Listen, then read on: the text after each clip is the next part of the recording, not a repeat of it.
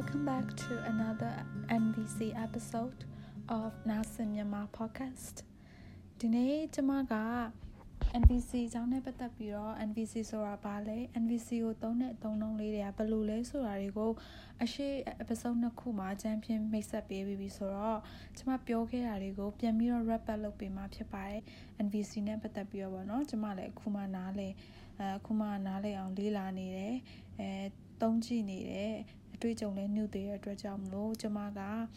ဒီနေ့ wrap up session မှာပြောမယ့်အကြောင်းအရာကိုကျမရဲ့ဒီ favorite ဟဲ blog တစ်ခုဖြစ်တဲ့ medium.com က article တစ်ခုကိုမြင်ညမ်းပြီးတော့ကျွန်မပြပြသွားမှာဖြစ်ပါတယ်။အာကိုကားထားတဲ့ article အပြည့်စုံကိုတော့ဖတ်ချင်တယ်ဆိုလို့ရှိရင်လည်းတော့ဖတ်လို့ရပါတယ်။ကျွန်မ link ကိုအာဒီ description မှာထည့်ထားပေးပါမယ်။အဲအခုတော့ကျွန်မပြောမယ့်အကြောင်းအရာလေးတွေက အာကိုချက်လောက်ပဲရှိပါတယ်။ Okay ဆိုတော့အဲကျမတို့ NVC ဆိုတာဗာလဲပြပြခဲ့ပြီး NVC ရဲ့ component ၄ခုလည်းပြပြခဲ့ပြီးဘယ်လိုသုံးနှုန်းလို့ရလဲဆိုတော့အဲအသုံးနှုန်းလေးတွေကိုရင်ပတ်မှာပြပြပြီးသွားပြီဆိုတော့အဲပြန်ပြီး repeat လုပ်ကြမယ်เนาะအာ okay ဆိုတော့ all judgments ပေါ့နော်ဒီကို ဝေဖန်မှုတွေလုပ်တယ်ပေါ့ကိုကိုကိုဝေဖန်တာပဲဖြစ်ဖြစ်တခြားသူကိုဝေဖန်တာပဲဖြစ်ဖြစ်ဒီဝေဖန်မှုတွေဆိုတာကိုမဖြည့်စီရသေးတဲ့လိုအပ်ချက်တွေကိုမှလိုအပ်နေတယ်ဒါမှမဟုတ်သူများပေါ့သူများဆိုလို့ရှိရင်လည်းတစ်ဖက်သားရဲ့အဲသူသူလိုအပ်နေတဲ့လိုအပ်ချက်တွေကိုဖော်ပြနေတာဖြစ်ပါတယ်တဲ့ဒီ judgment တွေကိုဘာနဲ့ကိုကစူးစမ်းပြီးတော့ connect လုပ်ဖို့လိုလဲဆိုတော့ဒီ feelings တွေ ခံစားချက်တွေ needs လိုအပ်ချက်တွေနဲ့ connect လုပ်တတ်ဖို့လိုပါတယ် judgment ကို judgment လို့ဟိုပဲမမြင်မဲနဲ့ judgment ရဲ့နောက်ွယ်မှာလိုအပ်နေတဲ့လိုအပ်ချက်ပေါ့နော်အဲ့လိုအပ်ချက်နဲ့ဆက်ဆက်ကြည့်ဖို့လိုပါတယ်နောက်တစ်ချက်ကတော့ feelings ကိုယ့်ရဲ့ခံစားချက်တွေနဲ့ interpretations of feelings ခံစားချက်ကိုဖော်ပြချက် အာအဲ့ဒီနှစ်ခုကိုခွဲခြားပြီးတော့သိဖို့လိုပါတယ်အဲ့ဒါဘာကိုပြောချင်တာလဲဆိုတော့ feelings ဆိုလို့ရှိရင်အာဒေါသထွက်တယ်ကြောက်တယ်ပျော်တယ်ဝမ်းနည်းတယ်ဒါ feelings ပေါ့နော် interpretations of feelings feeling ခံစားချက်ကိုဖော်ပြချက်ကကြတော့ဘယ်လိုမျိုးဖြစ်မလဲဆိုတော့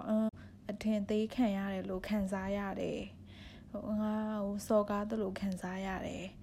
အဲငါ့ကိုနှိမ်ပြီးပြောသလိုခံစားရတယ် ဒါတွေကကျတော့ဒါ feeling ကိုဖော်ပြတဲ့အဲစကားလုံးပေါ့နော် feeling မဟုတ်ဘူးအဲ့နှစ်ခုကိုခွဲခြားပြီးတော့သိဖို့လိုတယ်အဲဘာလို့လဲဆိုတော့ NVC မှာဒီအာခံစားချက်ကိုဖော်ပြတဲ့အသုံးနှုန်းတွေကိုမသုံးဘူးပေါ့နော်အဲခံစားချက်ကိုပဲသုံးတယ် ခံစားချက်ကိုဖော်ပြတဲ့အသုံးနှုန်းခုနကလိုနှိမ်တယ်လို့ခံစားရတယ်ငါ့ကိုအထင်သေးတယ်လို့ခံစားရတယ်ငါ့ကိုလှည့်စားနေတယ်လို့ခံစားရတယ်ဒါတွေကိုဘာဖြစ်လို့ NVC မှာမသုံးတာလဲဆိုလို့ရှိရင်အဲ့ဖော်ပြချက်တွေကိုသုံးတဲ့အခါမှာအာပြဿနာကို ဖြည့်ရှင်းဖို့ခက်တယ်ပေါ့နော်အဲ့ဒီအသုံးလုံးတွေသုံးလို့ရှင်အဲ့ဒီအဲငါ့ကိုအထင်သေးသလိုခံစားရတယ်လို့သုံးလိုက်တဲ့အခါမှာပြဿနာကအော်သူများကငါ့ကိုဒီလိုလုပ်နေတယ်ပေါ့တစ်ဖက်သားငါ့ကိုဒီလိုလုပ်နေတယ်ဆိုပြီးတော့ဟိုတစ်ဖက်သားပေါ်မှာ blaming လုပ်တယ်လို့မျိုးဖြစ်သွားပြီးတော့ကိုယ့်ရဲ့ခံစားချက်ကဘာလဲကိုယ့်ရဲ့အနောက်ကလိုအပ်နေချက်ကဘာလဲဆိုတာကိုတွေးဖို့အတွက်အာခက်ခဲသွားတယ်အဲ့တော့ဒီလိုမျိုးနာမည်တက်တာတွေပေါ့နော်ခံစားချက်ကိုနာမည်တက်တာမျိုးတွေကို NVC မှာမသုံးပါဘူးခံစားချက်ကိုပဲသုံးတယ် okay အဲဆိုရင်နောက်တစ်ချက်ကကြတော့ request လုပ်မယ်ပေါ့နော်ကျမတို့ဒီ component ၄ခုရှိတဲ့အထဲမှာလဲ request ဆိုတာပါပါတယ် request လုပ်ပါ demand မလုပ်ပါနဲ့ request နဲ့ demand ရဲ့꿰စားချက်ကိုတော့တီးတီးကြမှာပါ request လုပ်တာကဒီလိုမျိုးလုပ်ပေးလို့ရလားဒါလေးလုပ်ပေးပါလားအဲ့လိုမျိုးပေါ့နော် demand ကတော့ငါဒါကိုလိုချင်တယ်ငါဒါရရမယ်ဆိုပြီးတော့မရရအောင်ပြောတာပေါ့နော်အဲ့တော့ demand မလုပ်ပါနဲ့ request လုပ်ပါနောက်ချက်ကကြတော့ဒီဒီ component ၄ခုကိုသုံးရမှာပေါ့နော်နားထောင်နေတဲ့အချိန်မှာတစ်ဖက်သားပြောတာကိုနားထောင်တဲ့အချိန်မှာကိုစကားပြောနေတဲ့အချိန်မှာလဲ component ၄ခုကိုစိတ်ထဲမှာထည့်ပြီးတော့ပြောဖို့လိုတယ်သူများပြောနေတာကိုနားထောင်တဲ့အခါမှာလဲ component ၄ခုကိုစိတ်ထဲမှာမှတ်ပြီးတော့နားထောင်ဖို့လိုတယ်သူများပြောတာကိုနားထောင်တဲ့အခါမှာဒီ observations စောင့်ကြည့်မယ် feelings ခံစားချက်ကဘာလဲဆိုတော့ကြည့်မယ် needs အဲ့ခံစားချက်နောက်ွယ်မှာလိုအပ်နေတဲ့လိုအပ်ချက်ကဘာလဲဆိုတော့ကြည့်မယ်ပြီးလို့ရှင် request တောင်းဆိုမယ်ဆိုတော့အဲ့ framework ကိုမမေ့ပါနဲ့နောက်ထပ်တစ်ချက်ကတော့အဲဥပမာသူများကိုရင်ဖွင့်လာတယ်ဒါမှမဟုတ်သူများကိုအအာတခုခုပြောနေတဲ့အချိန်မှာအာပြန်ပြီးတော့လည်းအဲသူပြောတဲ့အကြောင်းအရာနဲ့ပတ်သက်ပြီးတော့အော်အကြံဉာဏ်ပေးတာဒါမှမဟုတ်ထောက်ခံတာဒါမှမဟုတ်ညင်းဆိုတာဒါတွေမလုပ်ခင်ပေါ့နော် reply နေ react တွေမလုပ်ခင်မှာ အဲမေခွန်းနေမေးပါတင့်တော်တွေမေခွန်းနေပေါ့နော်နေကဘာဖြစ်လို့ဒီလိုခံစားရတာလဲဟောအဲ့တော့ဘယ်လိုဖြစ်သွားလဲမေခွန်းနေမေးဖို့လိုပါတယ်နောက်တစ်ချက်ကဥမာကိုတခုတယောက်ကအဲတခုခုမကောင်းတာပေါ့နာမည်တခုခုတက်ပြီးပြောတာတို့ဘာလို့အဲ့လိုမျိုးညင်းခုန်တာတို့ဘာလို့လိုမျိုးလုပ်တဲ့အချိန်မှာကိုပေါ်ရောက်လာတဲ့ဝေဖန်ချက်တွေဆောစော်ကားတာတွေအဲ့လိုမျိုးပေါ့နော်ဒါတွေကိုရဲ့သူ့မှာလိုအပ်ချက်တစ်ခုခုရှိနေတယ်ဒီနောက်ွယ်မှာ ဖြည့်စီဖို့လိုနေတဲ့လိုအပ်ချက်ကိုဖော်ပြနေတယ်လို့တွေးပါလဲကိုကိုပဲတိုက်ခိုက်နေရလို့မတွေးပါနဲ့ don't take it personally ပေါ့နော်အဲ့လိုမျိုးတွေးတယ်ဆိုလို့ရှိရင်ကိုက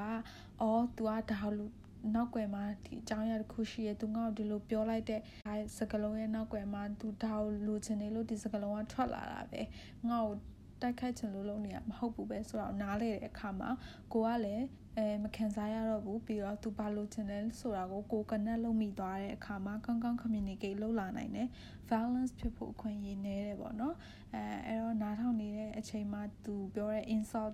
judgment တွေကို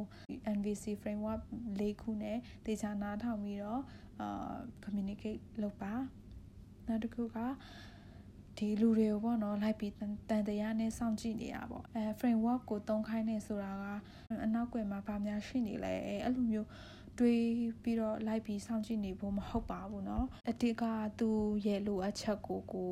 တွေးတွေးတတ်ဖို့ပေါ့နော်သူလိုအပ်နေတာဘာလဲဆိုတော့ကိုရှာဖွေတတ်ဖို့အတွက်ပဲငါ့ကိုကောင်းကောင်းဆက်ဆံအောင်လို့ငါဒီ framework ကိုသုံးမယ်ဆိုတော့အဲသဘောနဲ့ ဒီ NVC ကိုသုံးတာမဟုတ်ပါဘူး NVC ကိုသုံးနေဆိုတာကတော့သူများကိုကောင်းကောင်းမဆက်ဆံတဲ့အချိန်မှာလည်းအဲသူသူ့မှာတကယ်လိုအပ်နေတာဘာလဲဆိုတာကိုကိုသိအောင်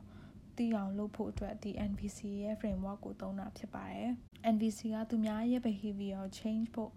အာပြောင်းလဲဖို့လုပ်တာမဟုတ်ပါဘူးသူများကိုလိုက်ပြီးတန်တရားနဲ့စောင့်ကြည့်ဖို့လုပ်တာလည်းမဟုတ်ဘူး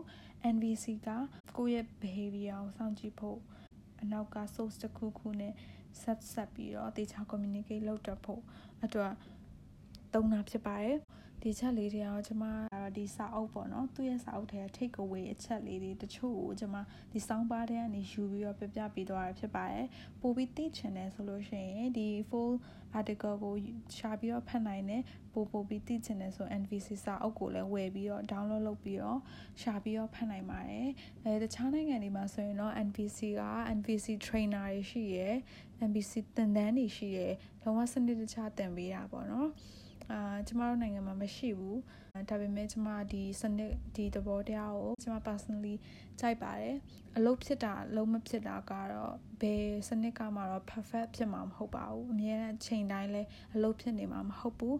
အဲ့တော့ဒါပေမဲ့ကျမဒီဟာကိုကောင်းတဲ့ အဲနီလန်တစ်ခုလို့ထင်တယ် communication လုပ်တဲ့အခါမှာ balance ဟိုမဖြစ်ပဲနဲ့တကယ်အရင်မြစ်ပြဿနာအရင်မြစ်ကိုဖြေရှင်းပေးနိုင်တဲ့နီလန်တစ်ခုလို့ထင်တဲ့အတွက်ကျမသဘောကျတယ်ကျမသဘောကျတဲ့အတွက်ကျမဒီလိုမျိုးညဝေပေးရဖြစ်ပါတယ်ဒါပေမဲ့အဲကျမဘယ်ဟာကိုပဲလေးလာလေးလာကျမဘယ်ဟာကိုမှ black and white လို့မတွေးပါဘူးအဲ့တော့ NVC မှာလည်းသူ့ရဲ့ချို့ယွင်းချက်တွေရှိနိုင်တယ်သူ့ရဲ့အမ် သူလည်းဟာနိုင်တဲ့သဘောတရားတွေရှိနိုင်တယ်အလုံးမဖြစ်တဲ့နေရာတွေ situation တွေလည်းရှိနိုင်တယ်အဲ့ဒီအကြောင်းအရာတွေကိုတော့ကျွန်မနောက်ပတ်မှာပြပြပေးသွားမယ်နော်ဒီတစ်ပတ်တော့ဒီလောက်နဲ့ပဲရလိုက်ပါတယ်နားဆင်ပေးလို့အတွက်ကျေးဇူးတင်ပါတယ်